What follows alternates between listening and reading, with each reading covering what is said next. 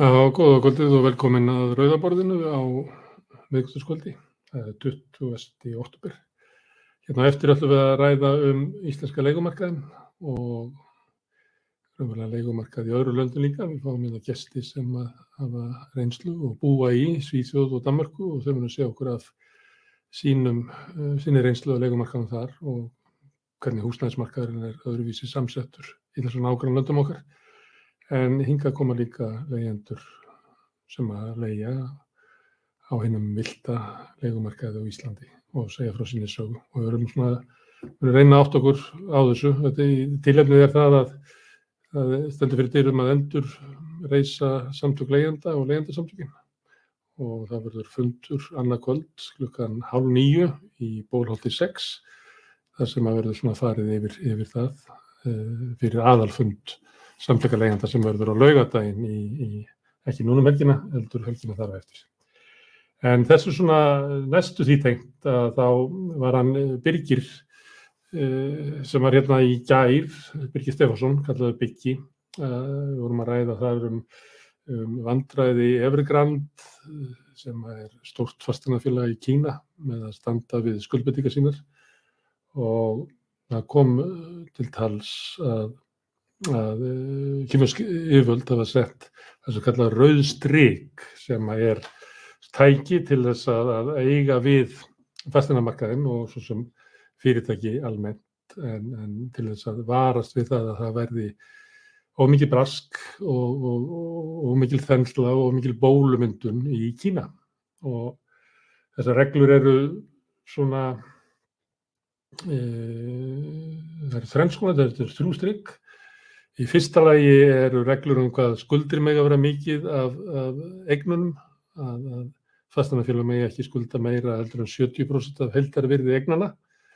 Er þetta er til þess að geta varist verðfalli á eignum, þannig ef að verðfalli verður 30% þá tappa eigendunir öllu sínu en þeir sem að hafa lána til félagana tappa ekki sínu, þannig að það verður ekki svona uh, fall, fastinamarkaðurum fellur þá ekki á, á, á fjármála fyrirtækin. Þetta er til þess að verja því. Ef við skoðum hver staðin er á íslensku, það eru þrjú fyrirtæki fastinafélagskráði í kaupallinni, það er eig, reygin og reytir. Þau eru allir undir þessum 70% en ekki mikið. En maður getur samt svona veldi fyrir sig hvort að það sé ekki samt svolítið svona hafskalegt að þau eru svona frá 66 til 69% vegna þess að fastegnir í Íslandi hafa hækkað svo mikið undanferðin ár þannig að, fyrirtæki sem er búið að vera í þessum bransa í, í, í langa tíma að, að bara verðhækkunin á fastegnarmarkaði á alltaf að hjálpa því að halda skuldarhlutvöldinu niðri því að eigninnar hækka alltaf meira heldur en skuldirnar. Þannig að það er svolítið svona skrítið að þessi íslensku félag skulle ekki geta uh, náð þessu, striki í kynverska stjórnvalda Annars trygg sem er til þess að forða spólumyndun að ef að þú leggur til 100 miljónir í eitthvað fyrirtæki að þú getur ekki gýrað upp, fengið lánað 1000 miljónir og átt bara 10% eigið fyrir og farið og, og stundið, stundið að byggja upp út um alla bæ. Það er, það er sagt að þú mátt ekki e, taka meiri lán en nefnur eigið fyrir. Þannig að ef þú ert með 100 miljónir þá getur þú tekið 100 miljónar láni og farið út í uh, þróunarverkefni, fastana þróunarverkefni upp á 200 miljónir, það mátti ekki gera meira. Uh, íslensku fyrirtækin eru svolítið langt frá þessu, uh, reygin og reytir eru með eigið fyrir sem er með 50% af, af, af skuldunum, þannig að, að, að þeir þurft að minka skuldir sína mikið eða auka eigið fyrir sig, þeir þurft að tvöfald eigið fyrir sig til þess að standast rauðustrygg í kýmerska stjórnvalda og eig þurft að þrefald eigið fyrir til þess að standa undir því.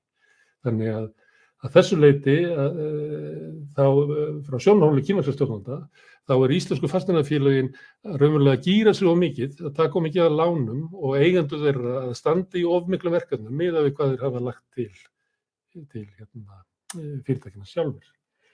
Þriðja er síðan að handbært fjö frá rekstri, ja, handbært fjö í fyrirtækjunum, handbært fjö í fyrirtækjunum, það þarf að vera jaft mikið og skandímaskuldir sem að merki það að segjum að þetta sé fastinafélag og allt innu verður fjölda atunleysi og leyendunni get ekki borgað leiguna að það á fyrirtækið að geta borgað skandímaskuldirnar og, og næsta árs afborganir á langtímaskuldum með handbæru fyrir sem er eiga í sjóði. Þetta er krafan í Kína. Um, það er svolítið ólíkt hvernig íslensku fastanafélagin er að þessu leiti. Regin á 80% af þessu, vantar 20% til þess að hérna, standast reglur kýminska stjórnvalda. Eig er svona nálagt þremu fjórðu, vantar svona eitt fjórða til þess að standast gröfi kýminska stjórnvalda. En reytir er svolítið mjög látt frá þessu, er það á fyrirtæki sem væri líklegast að lenda í lausafjörðvandræðum eins og Evergrand ef að hérna, verður djúb krepp á Íslandi því að þeir eiga bara eitt þriðja af til þess að fylla upp í rauðurstrykk kýmverkska stjórnvalda. Þannig ekkert af íslensku fastegnafyrirtækjum stendst kröfur kýmverkska stjórnvalda um öryggi fastegnafélag, bara ekki neitt. Þau eru næst því að, að standa það með, með skuldir sem hlutallað eignum en það er umverulega halvgjört ómark þegar við erum með fasteignamarka sem voru hækka kannski um 40% frá því COVID byrjaði þannig að það má vera svakalugur ekstur ef að þú átt ekki svona eitthvað borð fyrir báru eftir slikt góðari. En þetta er nú svona íslensk festinafélag frá sjónarhólu Kína en hér á eftir ætlum við að ræða um íslenskan hugstæðismarkað frá sjónarhóli Íslandinga sem að búa hér en líka frá sjónarhóli Íslandinga sem að búa þar sem húsnæðismarkaðurinn er betri eftir augnablik.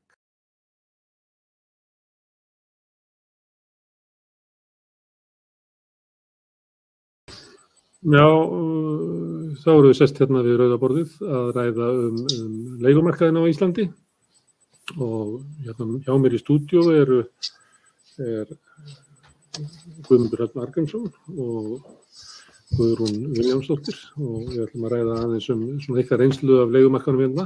En svo eru líka tveir aðrir Guðmundar á línunni, annars vegar frá Danmarku, Guðmundur Óskarsson og svo Guðmundur Pall Guðmundsson sem er í Svíðsjós.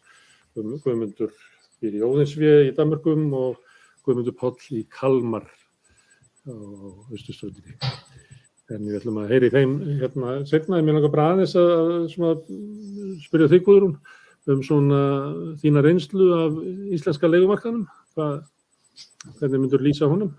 Það er þínir reynslu? Í mín reynsla er ekkit, ekkit, eh, ekki mjög góð þannig. Ég var viss, uh, ég vil ekki að fara út í uh, ég kefti mér íbúð 1982 sem ég misti á sérstaklega ástæðin um, vegna veikinda, uh, barsismis. Um, það var komið allt í, í, í bara raskat eins og maður segir, það var náttúrulega bara komið lagfræðingar og endalus uppbóð og uppbóðsbeinir. Þannig að við gáðumst upp á því og, og hérna þá fekk ég inni hjá sýstur minni með, með, með hérna, barn mitt og, og maka og fengum að leiða þar uh, fyrir lítinn pening meðan við vorum að býða eftir að komast inn til félagsbústuða. Nei, nei, nei, nei, til hérna verkamannabústuða. Mm. Sem að hérna, mér fannst vera mjög gott kerfi í rauninni.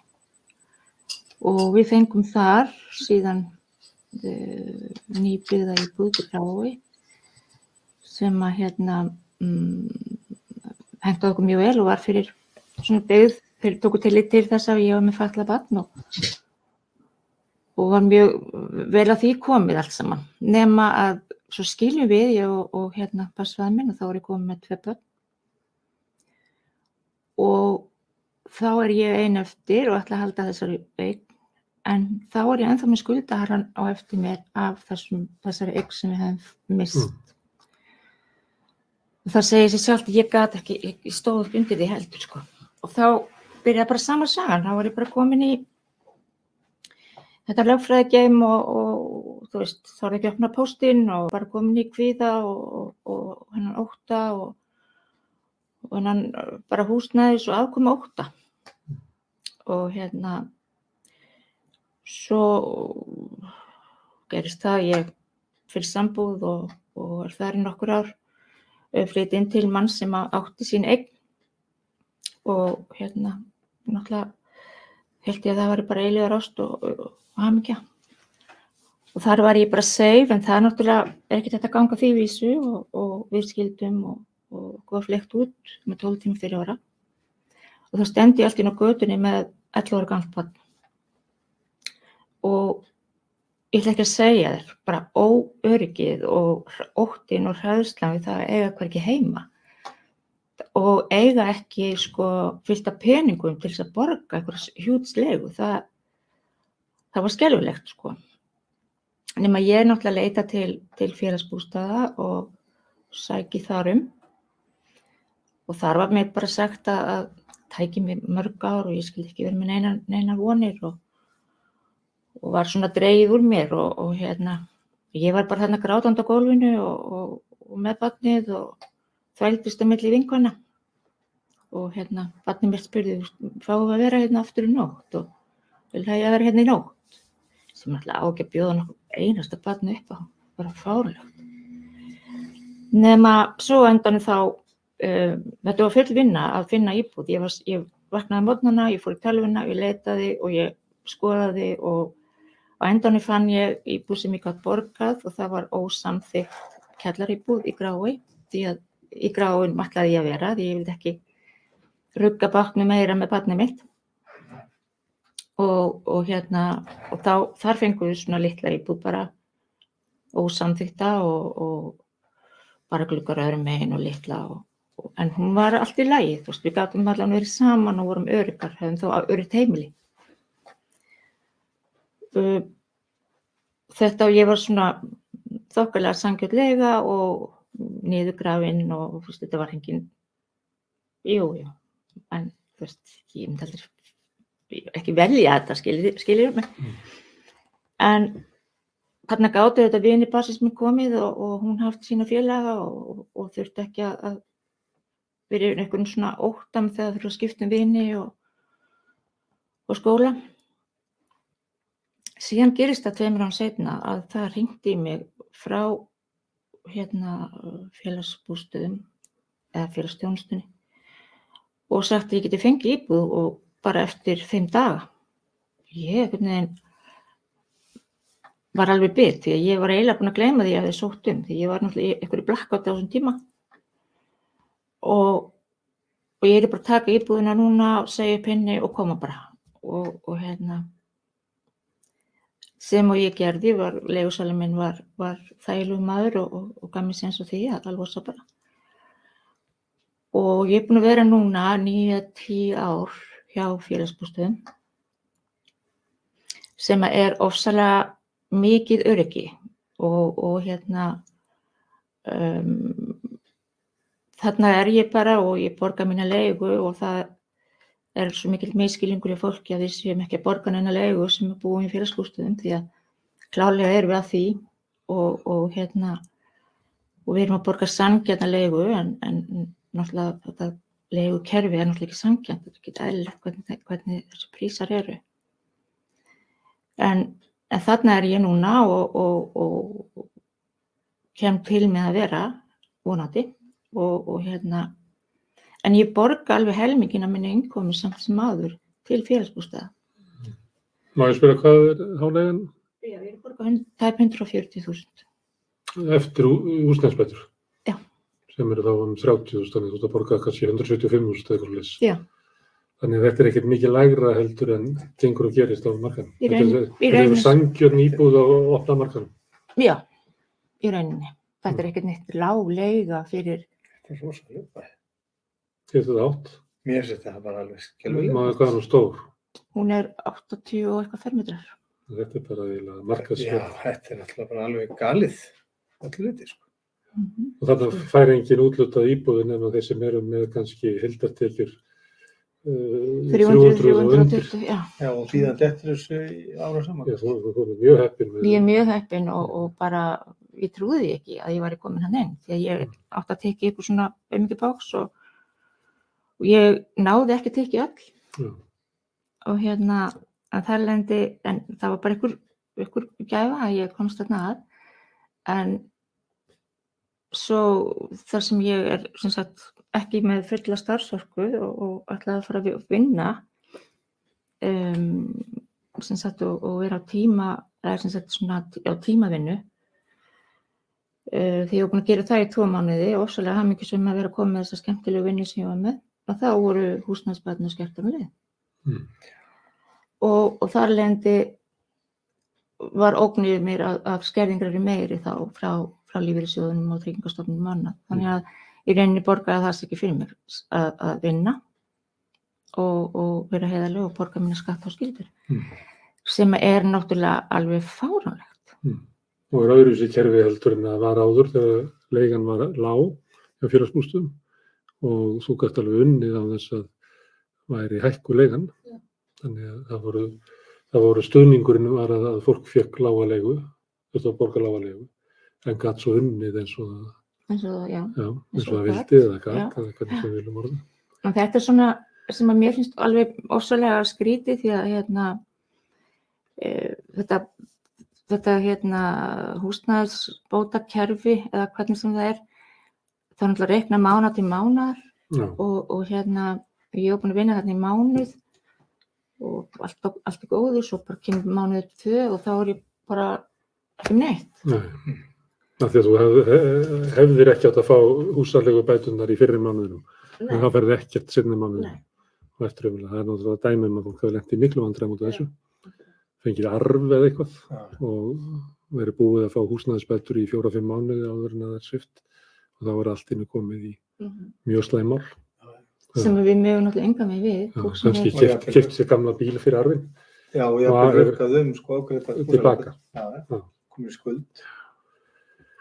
Komið á óvart hvað hún er að borga hátt í húsalegu? Þú helst að það veri lægri leiga í félagsbústum. Já, sko, bara orðan hljóðan, sko, félagsbústæðir ætti að vera. Það var þannig þegar þú varst að alast upp að þá var þetta kerfi síðan rísa á þann. Það var lægri leiga. Og maður svona ætlaði að þetta kerfi væri til þess að kannski jafnvel er að hjálpa fólki til sjálfsjálfar. En það er búið að breyta þessu. Já, þannig að ákveðins samfélags, la-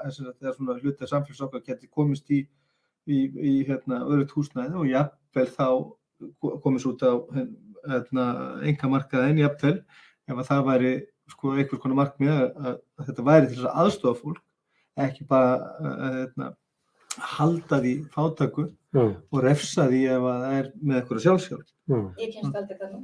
Nei, þess að þetta er svona svolítið skrítið að þetta skulle hugsa þannig. Mm. og hérna það kemur mjög mikið óvart af því að ég þekki legumarkaðin og, og hef verið að honum núna í, í 7 ár, Mm. já, já tæp 8 ár síðan 2014 þegar ég og fyrirhundi konu mín endum okkar hjúskap og, og hérna, þannig ég þekki hvernig þetta er búin að vera þá og ég vissi, getur sagt okkur frá þessum sjö árum? Já, var sko, þetta ég er ár? Er þetta góð ár? já ég meina ég er bara búin að vera heppin að geta fylgst með börnunum mínum og Mm. tekið þátt í þeirra uppeldi að, að vissu marki og, og hérna lagt allt kappmynd á það að skapa að þetta útvega þeim heimili örutt heimili þar sem að þau geta verið hjá mér þessa daga og þessa vikur í mánuði sem þau eru hjá mér og sem að hefur verið mitt uh, svo áhersla sem ég hef lagt á, á varðandi hvernig ég hef komið fyrir á legumarkan sem þýðir það hins vegar sko því ég og basmáður mín við hefum fjögur börn saman að ég hef þurft að vera með ákveðna stærða heimili. Ég prófaði fyrstum sinn ég hef líka lendi að vera heimilislaus og ég sko leiðið mér skrifstofa tímabili upp í ármúla þá var ég með smá hérna, aðstöðu þar sem að ég sem sagt menntaði sem landslagsarkitekt frá Kaupmanna og var með smá aðstöðu þar og, og það var tímabili þar sem að var bara ekki nokkuð uh, glæta fyrir mig að koma fyrir á legumarkanum í því árferði sem var þá af því að þá er þetta svona uh, í hruninu, þar sem að þó að séu liðun hann er eitthvað fjögur ár frá hruninu Mm. að þá er þetta ennþá uh, eftirkvæmst hrun sem hafði mikil áhrif á mig og, og mína, mitt starf og mína starfsmöguleika og ég þurfti að hafa svona eiginlega alla klær úti. Og það kostaði bara svo mikið pening að koma sem fyrir á legumarkanum en það var krafist ekki þryggja fjara mann á útborgunum sem þýtti það. Að þú þurftur að eiga kapital upp á kannski einu og halva miljón og ég sem að kannski var með tekjur sem tífambundi kannski 200-300.000 á mánuði það var ekki nokkur nokkur leið að gera þetta. Það tók tíma, þetta tók það að maður þetta fara eins og ég gerði fór vestur á Patrísfjörð og var það bara í lánsherbyggi og, og vann með einhvern pening og gæti þá komið fyrir á legumarkanum hérna Gerða út á tryggingu eða eitthvað slíkt sem að, þetta er startkapital það er, það er þröskuldurinn. Já, það er svona, veist, eins og ég er bara til dæmis nýbúin að flytja núna í fymta skiptið á síðan á Þessu sjórum. Já, þetta tíma byrja, byrjaði og þetta þýðir hins vegar það að þú þart að hérna, reyða fram okkur uppæð og það hefur verið alveg hérna eitt leigusalminn sko vildi fá fyrsta og síðasta mánuðin greittan og svo þrjá mánuðin tryggingu Mm. þess að það voru fimm mánuðir fyrir 300.000 það voru einu hálf miljón sem ég þurfti að reyða fram Mm. sagt, til þess að geta fengið aðgang á íbúðinni Mm.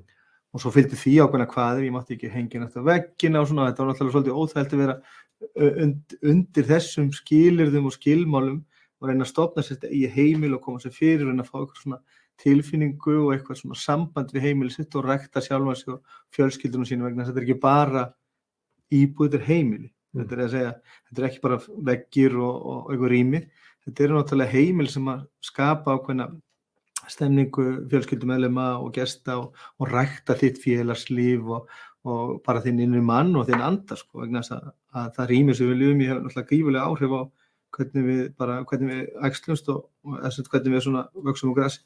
En ég sett byrjaði þarna þessa, þetta ferðalag 2014 og, og hérna ég er fyrst inn á almennumarkaðum að þá voru þessi leigufíla ekki komin neitt að ráði Þau eru að fæðast þannig. sagði Já, þetta leitir sko og það er þannig að það eru bara, eh, sko, þá er farið að bera svolítið á því að þessar nýju blokki sem eru að rýsa, ég er bjóð hérna fyrst niður í Stakkvolti, að þá er rosalega mikið um það að fólk sem er á þessar íbúður, kannski fólk utan landi, einhverju útgerðamenn, smá útgerðamenn, fyrirtæki eigendur og svona, fólk sem er að kaupa sér, sko, er að fjárfesta Mm. í, í, í húsnæði Mm. til þess sem bara sem spari fyrir, sko. Mm. Þannig að þetta var ekki að, vorst ekki að leia heimila einhverjum öðrum. Vorst að leia fjárfestingu Mm. frá einhverjum sem átti kannski 2, 3, 4, 5 íbúður í húsinu sko. og einhvers stað vísvarum bæinn. Mm. Þannig að sko, Það var frétti í einhverju sjónvarstöðinu daginn um, um, um mentaskólanema sem átti fimm íbúðir já, já, ég, sem er í svona braski.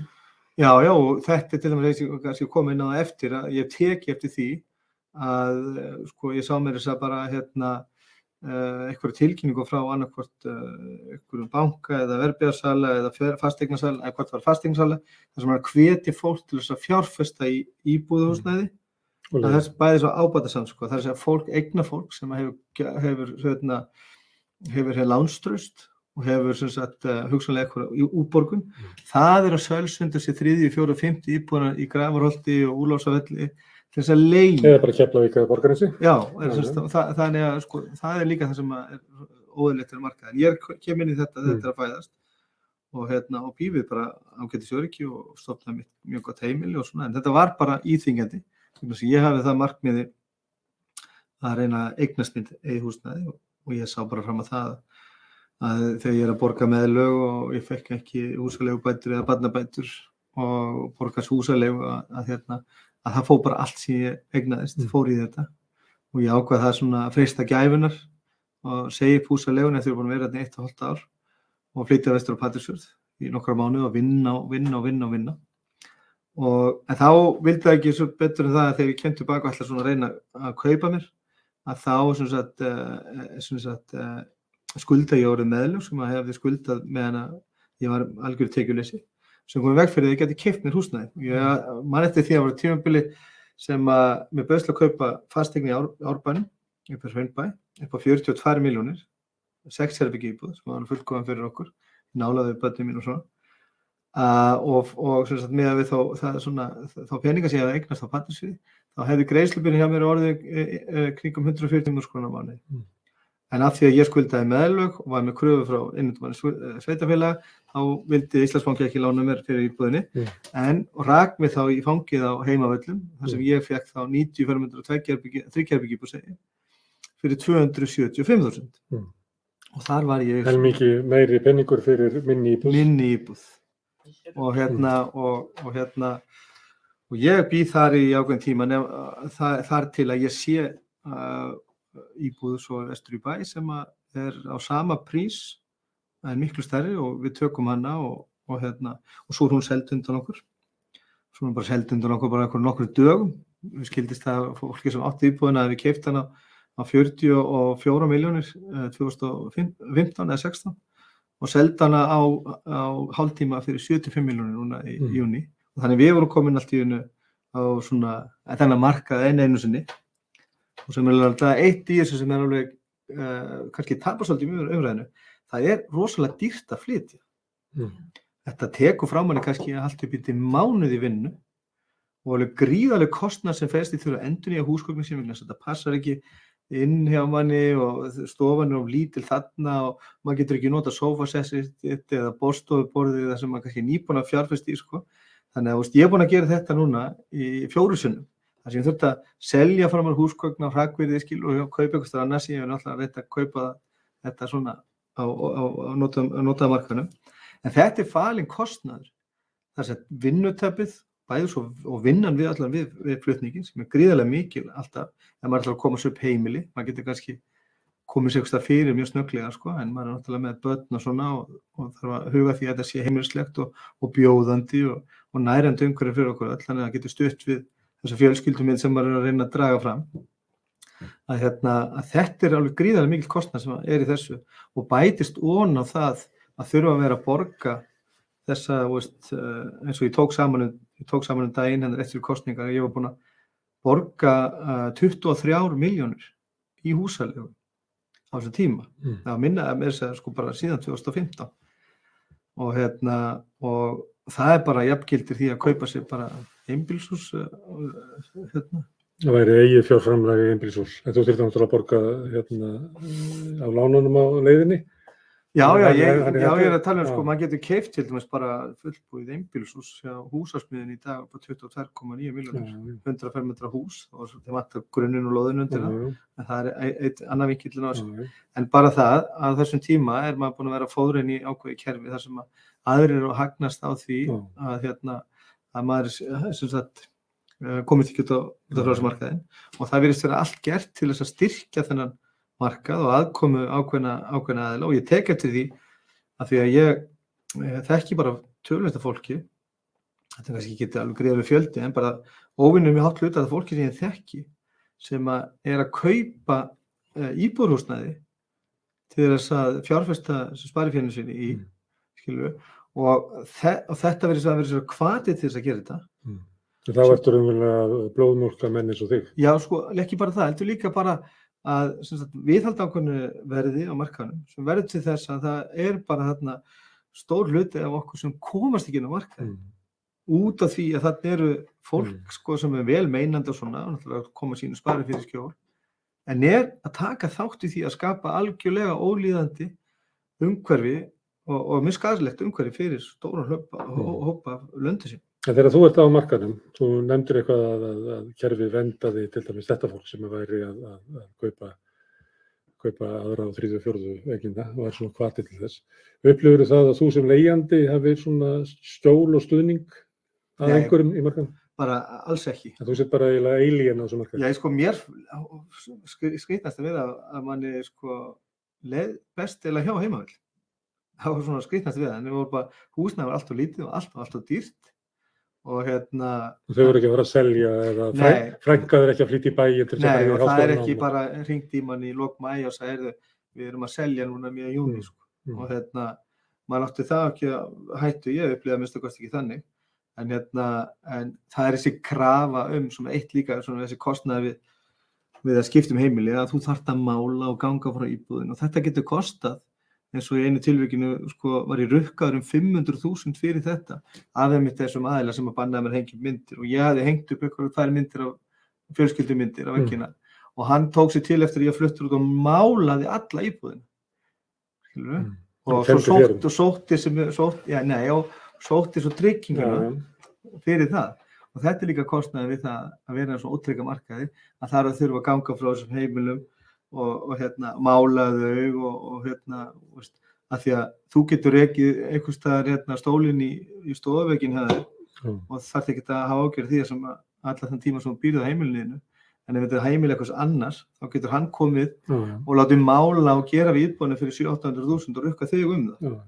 Og stundum eins og sér sjálfdæmi reyðusalan um það já, hann hefur kannski, svona stundum til ykkur, er hann bara með þitt fyrir hjá sér. Margir skila bara ekki tryggingunni. Já, finna bara eitthvað, finna bara eitthvað að því, skilu. Og þú, hérna, hérna þarf þá að reyna að sækja þinn rétti að vera búin að fyrirbyggja þetta getur komið fyrir. Mm. Þetta er mjög ótryggt og það er óbúrslega, að, hérna, að ég þekki líka fólk sem er legusalan, að þessi markaði verið straga fram að vesta í fólki. Mm þetta dregur alveg það versta fram í mjög góðu fólki að vera allt í unnu orðið leigusalar. Mm. Já, komin ykkur svona drottni svo til? Já, þetta er bara ekki í neinum hold sko. Nei. og líka sérstaklega það að, hérna, að vera nota húsalegu til þess að græða pening. Mm. Ég var einu sinni, ég bjó í Danmörku og, og hérna, svo, svolítið merkileg saga, ég var bara, að ég var að taka til í dóttunum mínu, þá fann ég launasér frá 2000, uh, árið 2000 og þar sem að ég er með 280.000 krónur í mánuðatekjur. Ég hafði árið áður keitt mér hús um fastegn í hlíðunum, 75 fermetra íbúð á 4,8 minnur. Sko, launin mín hafa svona tvöfaldast, en íbúðverði hefur nýfaldast Mm. á þessar íbúð. Þannig að sko, sér bara allar þessar skekki, skilju. En ég fer til Danmörkur og kaupi íbúð þar sem var alltaf stórmerkilegt að horfa upp á að það var að borga það virkilega af húsnæðinu sínu meðan að ég var í námi og va- vann með náminu. Og svo þegar við flyttum heim að þá hérna ætlum við bara til að flytja heim tíumbundu þannig að við settum íbúðuna á leigu en þá kom aldrei til greina hvorki okkar hálfu nýja að bankanum að við ættum að nota leigun til þess að eignast pening. Þetta var bara reiknað út hvað við ættum að borga lánunum og það hefur verið gert við blokkinn sem byggum í og það var eitthvað lán sem húsfélagið þetta borga af. Þetta tvent var reiknað saman og svo fengum við 400 krónur á mánuði sem var þá sett í svona til þess að mæta því að við brotnaði gluggi eða skiptum Mm. hurðun og svona. Það var aldrei litið á það að að þetta ætti að vera eitthvað til þess að byggja upp eitthvað kapital fyrir okkur. Nei. En eitt er að því að segja um að þetta kalli fram í vestæ fólki og þú tókst undir það. Að í Nóri er það til dæmis þannig að, að segjum að sé skipstjóri og blöndósi sem er að reyja þér húsnæði. Að hann eh, verður þá að leggja íbúðuna inn í svona leigu miðlunarfélag. Þannig að þú sem leigu taki ert á að skipta við eins konar heimavelli eða bara fyrirtæki sem er bara í þessum bransa. En þú ert ekki að skipta við einstaklinga sem eru að, að leggja sjálfur mat á það hvort að, hérna, kosti 500.000 að mála eða eitthvað annað slikt. Heldur er það þá sett inn í svona þetta séu raunveruleg viðskipti milli þín og einhvers fyrirtækis en ekki eitthvað svona fólk sem er í svona einhverju braski. Þetta er svona regla í, í Nóri, ég veit, ég veit ekki hvort þú sé eitthvað annars þar. En við ætlum aðeins að hérna að fá að heyra í, í tveimur guðmundum. Byrjum í, í hérna, Guðmundi Óskarsinni sem að býr í Óðinsvið. Uh, hann skrifar mikið um húsnæðismál en á hérna, Facebook-hóp sem við verum með í Sólstaflokknum. Þetta er Sólstaflokkur Íslands og, og hann skrifar það mjög reglulega og mest um húsnæðismál. Þú er búin að vera að hlusta á þau tvö, Guðrúnu og nafnaðinn. Já, já. Finnst þér þetta vera svona, gæti þetta verið saga af dönskum húsnæðismarkaði, legumarkaði? Uh, nei, útilokka. Vegna þess að réttur þeirra sem leigja hér er nánast á sami og, og þeim sem eiga. Ég bý hérna í, eða við búum hér í óhagnardrifnur leigufélagi og um, hér er allt saman, sko ég má búa hér eins lengi og ég vil og nánast þar til, ég verð góðsettur. En þarna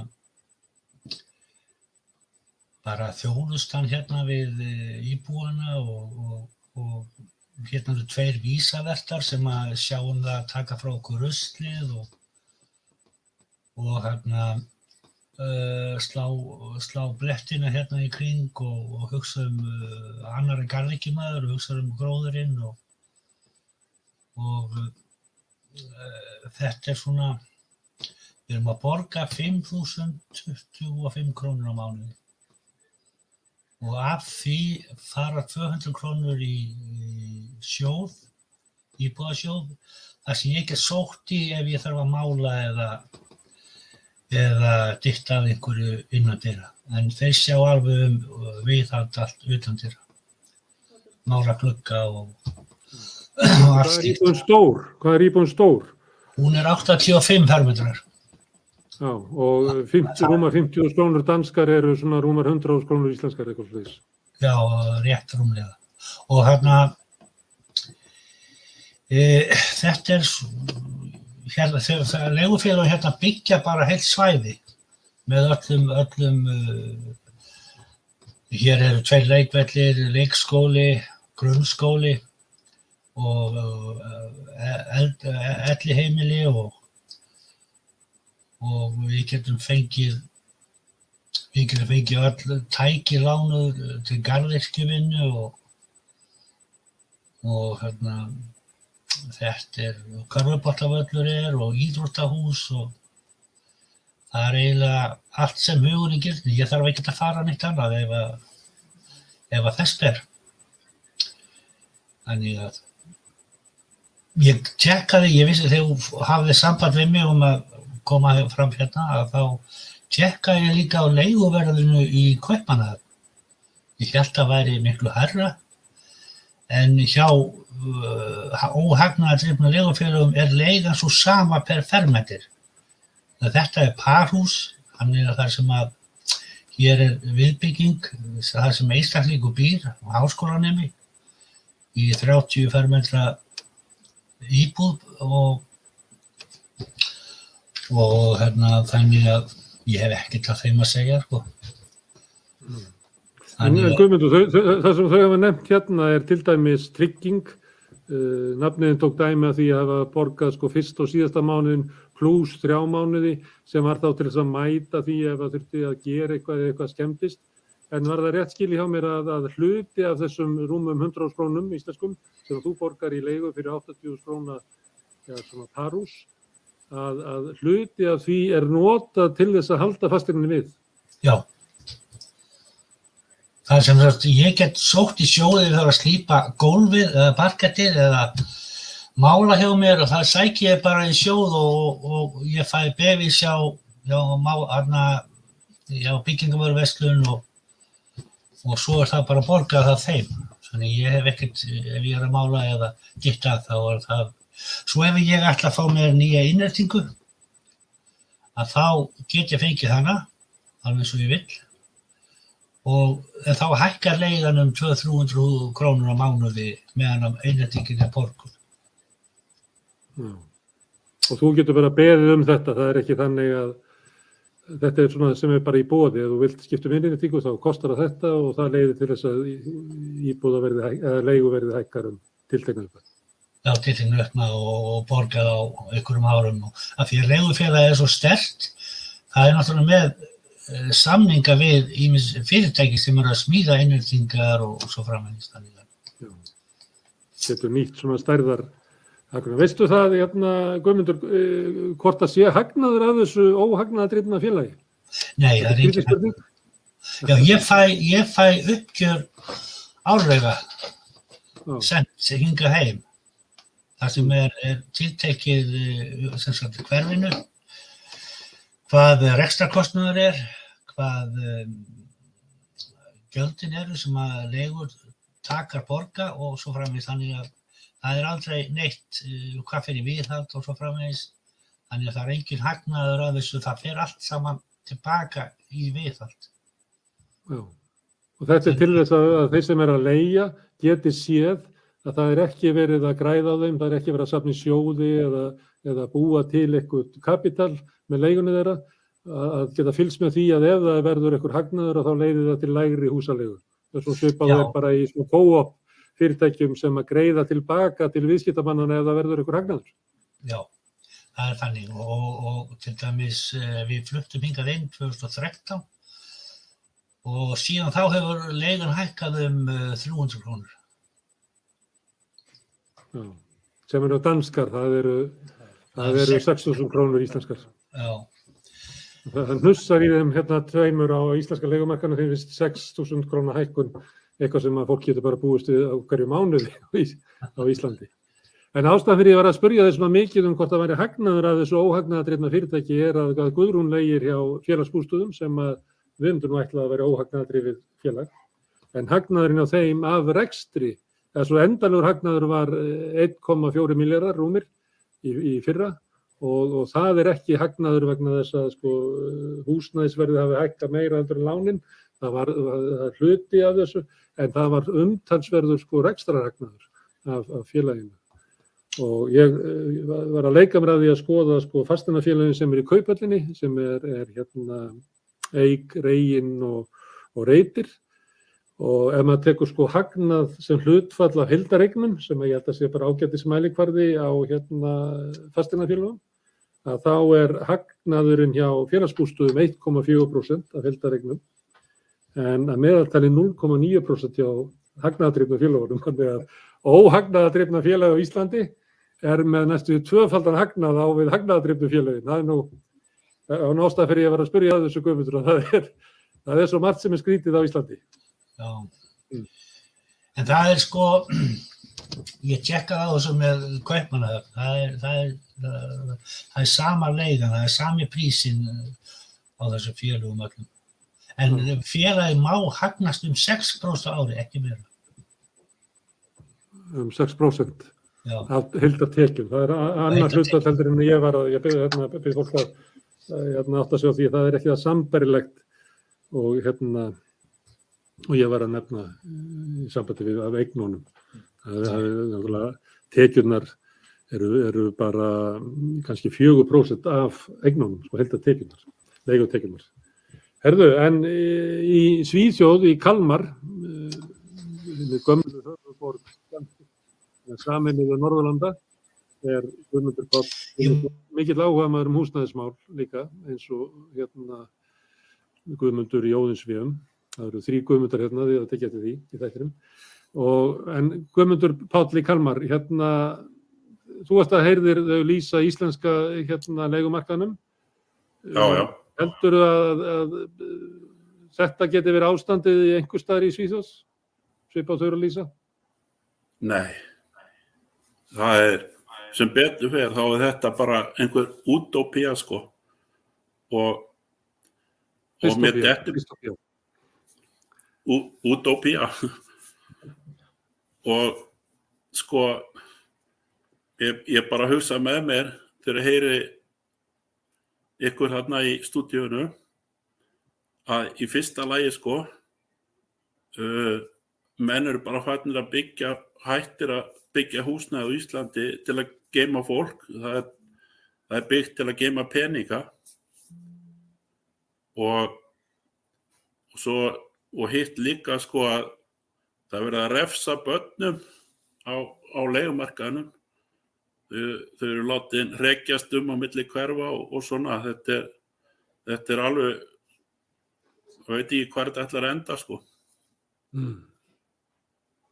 En þú segir að ástandi sé ekki svona í Svíþjóð. Gætur þú líst svona sænskum uh, leigumarkaði fyrir hérna, okkur í stúdíónu hérna á Íslandi?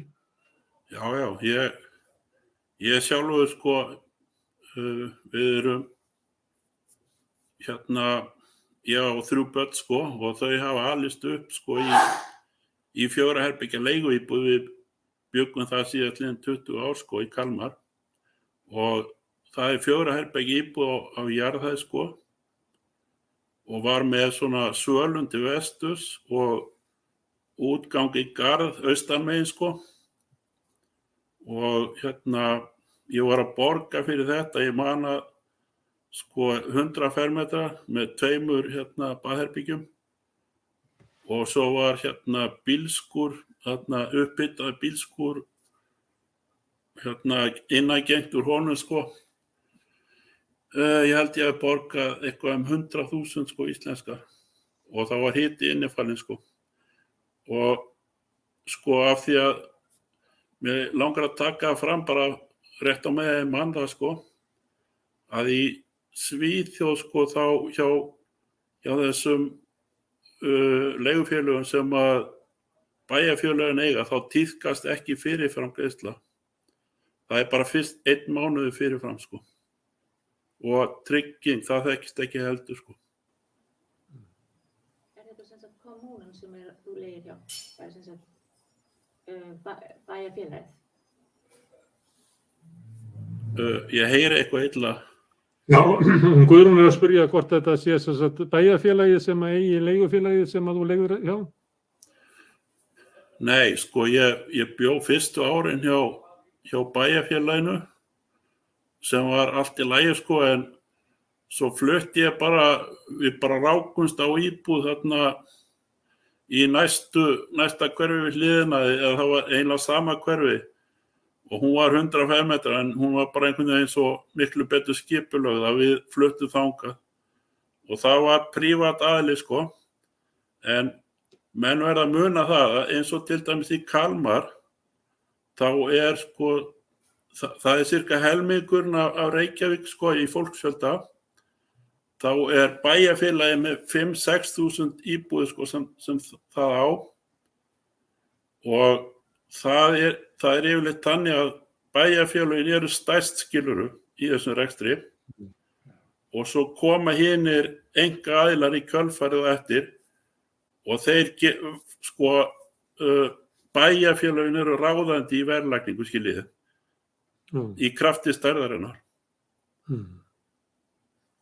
Og uh, og það er sko það má segja það að bæjarfélagin þau eru, eru í raun og veru kjölfestan í skipinu skilur því að annars þá ná, það, það er búið sko að uh, miljónprogrammi það fór í gang fyrir hálfur aldrumlega sko síðan. Og þá var með við það sko að, að maður borga ekki meira en 25% sko af á ráðstöfunum tekið með leigur sko. Og það hefur nú síðan mikið vatn runnið til sjávar síðan þá sko.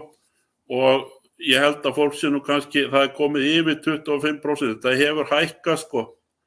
Að, og það hefur orðið svona það varð hægri beigjaskiluru svona upp úr 1990 í, í þú veist uh, þau fengu hérna skatta ívilnanir og svoleiðis þessi það, það sem segið óhagnaðu dröfu félag sko sem sveitafélagin voru með sko. En það, það hefur minkað sko.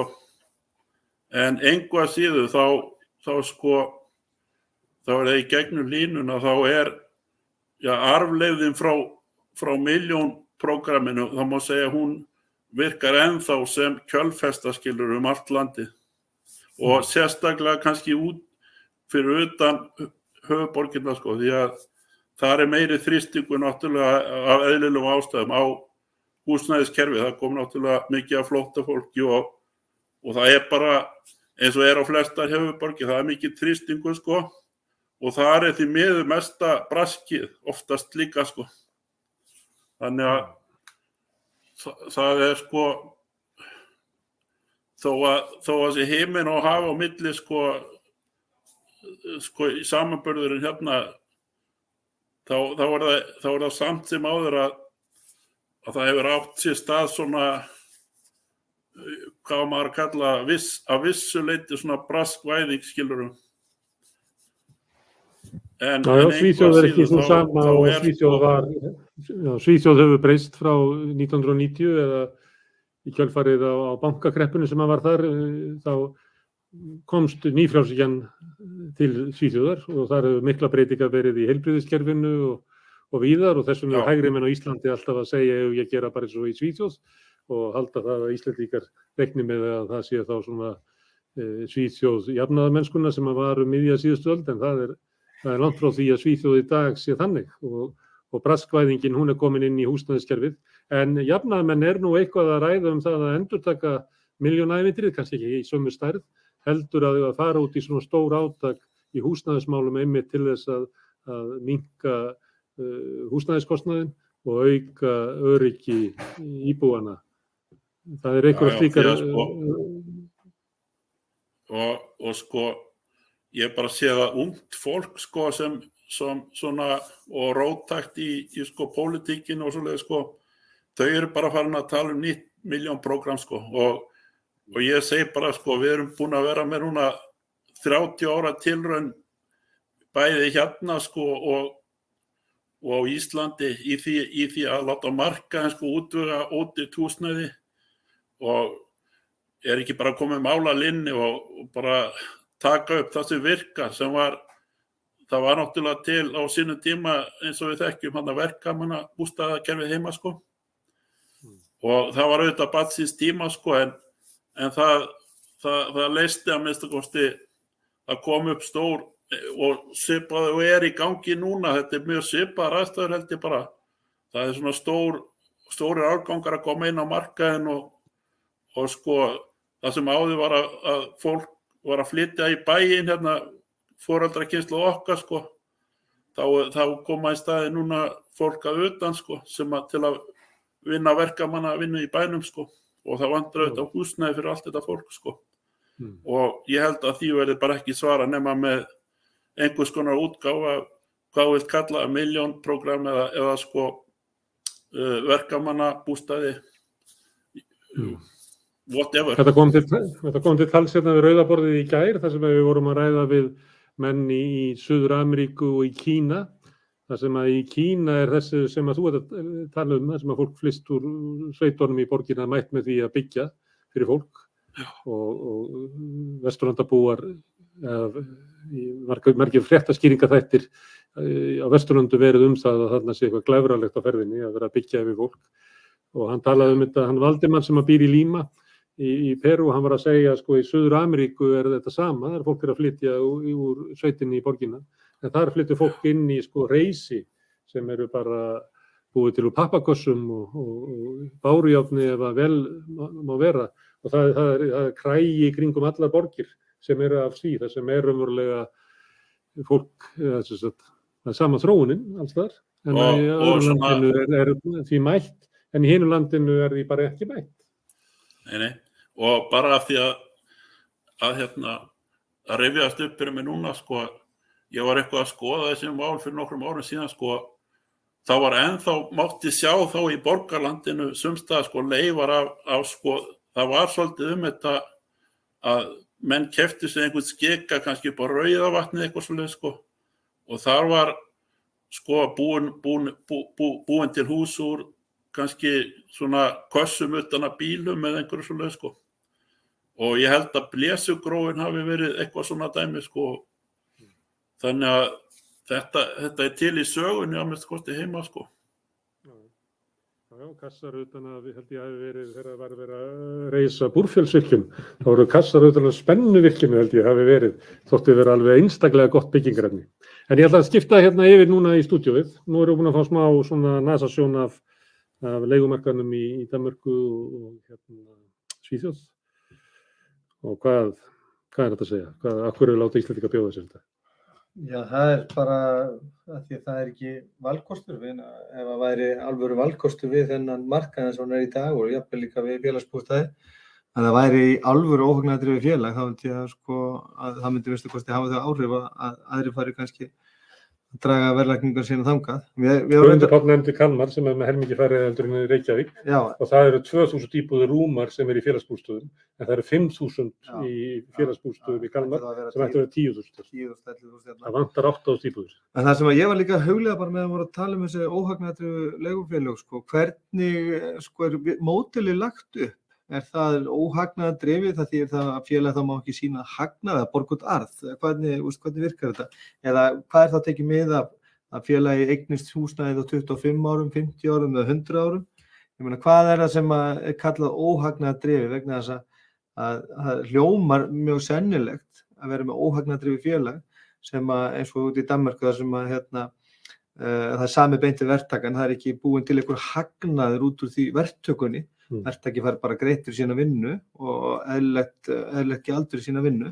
Það er ekki búin til einhver arður þar fyrir einhver þriðja aðila eða, eða hérna, leigundur látni borða, borga sig hérna, arð uh, og eða einhver- gróða. eða segi- einhver braskar á leiðinni Já, er að segja það. það var nú fréttir á því núna um, um orkureitin þar sem að ég held að það hafi verið reytir sem að, að kassaði þar inn eitthvað 1,3 miljardi Já, með einhver, því að selja þeim og það á íbúðamagninu sem þarna er þá er það þrjár miljónir á hverja íbúð sem þeir tóku bara út úr já, sem brask Já. hagnað bara á einu stíi hérna ferðlisins já, sem að fólk síðan, kannski ef þú kaupir þetta að þá þarfst þú að borga þetta með 6 miljónum að því að þú ert eftir að, að taka Já, lán já, fyrir ég veit að ég þekkt það til Já. í byggingabransanum og ég þekki fólk sem er þar uh, sko, í, í- á öllum stigum verðlisins og, og ég veit bara það að það er gerin ofbúslega mikil hagnaða krafa um, sko, um fjárfyrstingu í íbúrhúsnaði og ég var bara að velta fyrir mér sko, hvort að, að hérna, leigufélaginu, hvort að þau sé að leita náður þessari verktaka sem eru kannski með 60 upp í 100% arsimiskröfur það er þannig, hérna, frá- það er þannig á Reykjavíkuborg þá var þannig að, það er nýtt hverfið skipulagt þá var eiga félagsbústaður að hafa forgóðsrétt á 5% íbúðana en það er bara því verði sem að sko verktakinn setur upp. Já, já, það er yfirleitt bara fa- með fa- 100% aflegningu 100% aflegning og ég sé það bara á fermetraverðinu, ég bara fór í, í það um daginn að skoða fermetraverði á einingahúsnaði sem að hefur verið flutt hérna inn mikið frá Ísland og Lettland og svona. Og þetta nota benni bara eiginlega ekkert að byggja svona Reykjavík. Að gera öll get eiluskiplu og bara ráð fyrir því að þú byggir eitthvað 350 fermetra tveggja heiða steipukassa sem þú er ekki nokkuð tök á að gera sjálfur. Það er búið það er búið að sko reyna girða fyrir það að nokkuð maður getur útvegað sér ótitt húsnaði en ég aðtúaði bara hérna, fermetraverðin á þessu. Og fermetraverði ef hefur geta prinsipinu gert það sjálfur væri svona í kringum 300.000 fermetri en þú fannst ekkit undir 700.000 hérna markanum þar sé að þá er verktækin sem er búin að flytja þetta inn sjálfur og komið svo upp og alltaf svo að selja þér þetta Mm. að þú getur ekki gert það sjálfur. Hann er semst með arðsemiskröfu hérna, og Mm. arð rönn upp á 100% 100% onna, onna, onna, og hann er samt búin að borga sér og sínu laun á allan tíman Mm. og hérna, þarna er bara arðurinn 100% og ég bara heyrði það innan úr einu fundi þar sem var að vera að, hérna, að byggja hérna stórstum í hverju Reykjavík að þar kom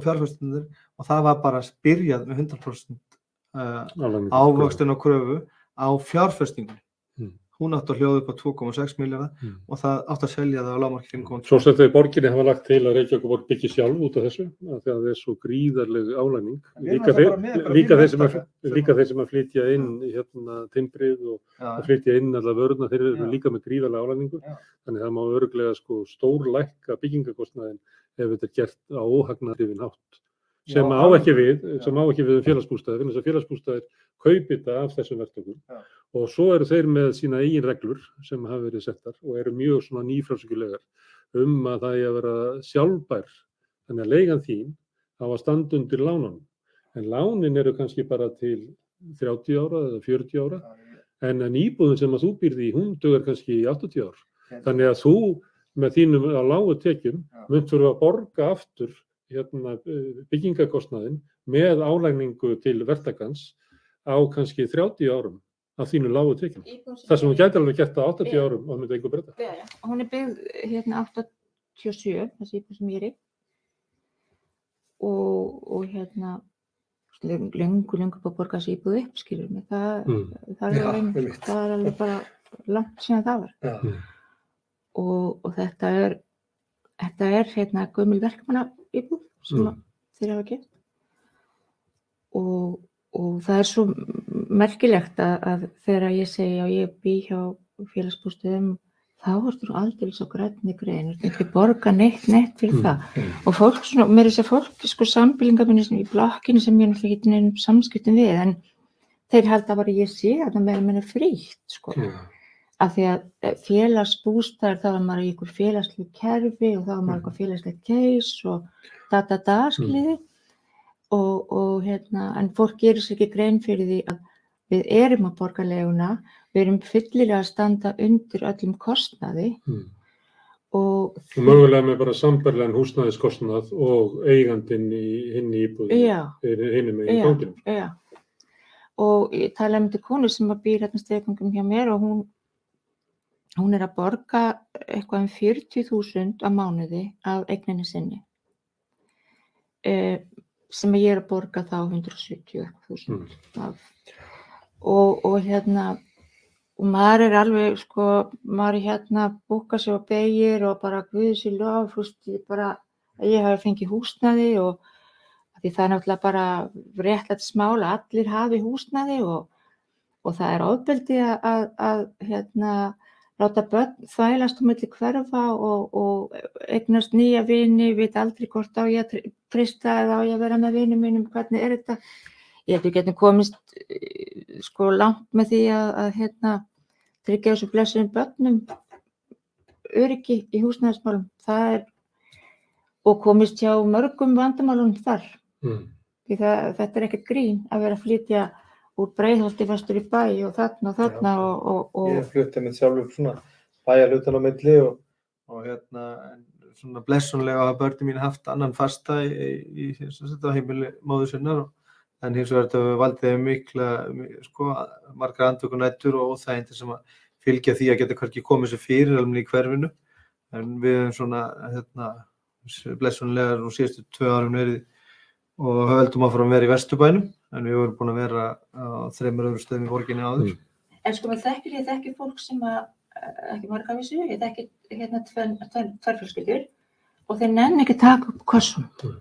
Þetta er bara í geimslu meira Já, minna, þetta er alveg. því að það er ekki, þú veist, æ, nei, þetta er bara niður geimsla, því við förum örgulega hérna eftir ár. Mm. Þegar við vorum að tala hér við leyendur fyrir viku, ég held að það var 50 þegar síðustu viku, að þá var nú ein kona sem ég man ekki hvort að hafi búið í sjö eða átta ár eða lengur hjá félagsbústöðum, en hún sagði að reynslan af því að vera alltaf að flytja væri þannig að sumt á hennar dóti verið ennþá upptekið í kossum eftir því að það er bara, þessu. hún treysti, það væri bara óöryggi væri svo, væri svo magnað að, að, að það tekur öryggi langan, langan tíma að eða því. Það var eitt sem ég oft velt fyrir mér sko sem verandi á legumarkaðanum að ég man eftir því ég bjóði kaupmann að þá var minnst ykkur skrifað um það í blöðun og svona og maður heyrði í sögur og, og var skrifað um fréttir að, að það væri semst kaupmann að komuna það semst hafi sett ákveði legum þak Mm. og það sko þú gast teki hvaða legusamling sem þú gerðir með hvaða engaðalega sem er farið með það fyrir ákveðina nefndið ráð hjá Mm. kommunni og þeir úrskurða hvort að leguverði væri sangjart Mm. og ef að þeir sögðu að leguverði væri á hátt þá þurftu þú bara að borga það leguverð sem, að, sem að ráðið kom fram með og þú kannski gerir samning á 6.500 og þeir sögðu neini í þessu hverfi er það bara 5.800 fyrir þessa fermetra og þá borgar þú bara 5.800 Það hef ég aldrei skilið af hverju er ekki eitthvað svona leiðu það hérna. Því að fólk gamlar með eignina sínar, alveg hægri vinstri, það er hörgull, það setur upp alls konar prísa, eins og þú sagðir áðan, það er tryggingar og það er þetta og þú mátt ekki negla og, og bla bla bla. Það geimslega fylgir ekki með það því að búslóða Já. viðkomandi er í Mm. skiluru Og þú færð ekki hérna, trygginguna tilbaka á annað og ég held að við verðum bara að, sem leyendur og, og, og þó að ég sé ykkur öryggi hjá félagsbústöðum þá, þá skiptir þetta með gríðarlega miklu máli og ég held að við verðum að, að hérna, byggja upp upplugt og, og stert félag fyrir leyenda vegna þess að við erum alltaf að fjölga um, unga fólkið það er ekkit nándanari allir sem geta leikt og safnað pening Nei. og farið að kaupa. Mm. Það er alltaf að fjölga á legumarkanum og við verðum, uh, ég segi við eða jú, auðvitað, við erum þetta hluti af þessu þjóðfélagi, við verðum að, að spyrna við fótum. Þetta gengur ekki. Sko við erum, ég er bara orðin meðaldra kona, ég er hérna 62 ára gummul og, og hérna, kannski verð ég bara hérna, gróðasitt þarna sem maður sagði upp í grái, en ég er ekki engang að hugsa um sjálf mig.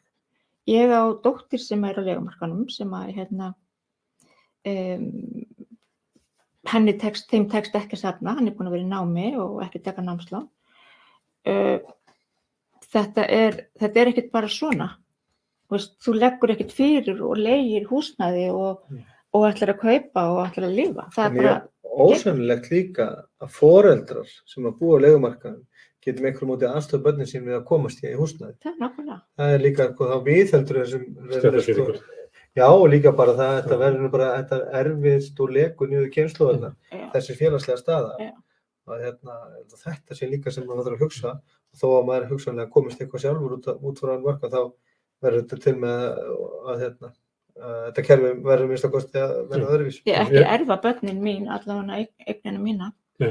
Ég ætla hérna að að taka þráðinn sem að þú varst að að setja hérna upp um að við verðum að gera eitthvað og það er að hluta til ástæðu þess að við sitjum hérna og verðum að ræða þetta því að á morgun á 50. kvöldið 21. oktober klukkan hálf nýju í bólótti 6 verður hérna, undirbúnings rætt um undirbúning að endurreist leyendasamtakana eða s- samtaka leyenda. Aðalfundur samtaka leyenda verður svo á laugadeginum vikunni þar á eftir 30. oktober klukkan 14 líka í bólólti og markmiðið er að ná saman leyendasamtökum til þess að geta gert fram þessar kröfur. Það er margt komið fram í þessu þætti sem er öðruvísi á Íslandi heldur en í öðru löndum. Þannig að í sjálfur sér ættu markmið og baráttum mál leyendasamtakan um best verið einst í nágrannlöndum okkar og gert kröfur um það að íslenski leyendur búi ekki við lagari öryggi og ekki við lagari kjör heldur en, en leyendur í næstu löndum. En þið getur fylgst með þessu áfram hérna við Rauðaborðið en endilega komið uh, klukkan hálf nýju á morgun, annarkvöld, fimmtudagskvöldið í Bólholt 6 og taki þátt í að endurreisa samtök leiðanda. Ég þakka ykkur þremur guðmundum og einni guðrúnu færlega fyrir að koma og deila ykkar reynslu og þekkingu með okkur hérna við Rauðaborð í kvöld en Rauðaborð verður hérna aftur annað kvöld klukkan 8. Sjáumst þá. Takk fyrir.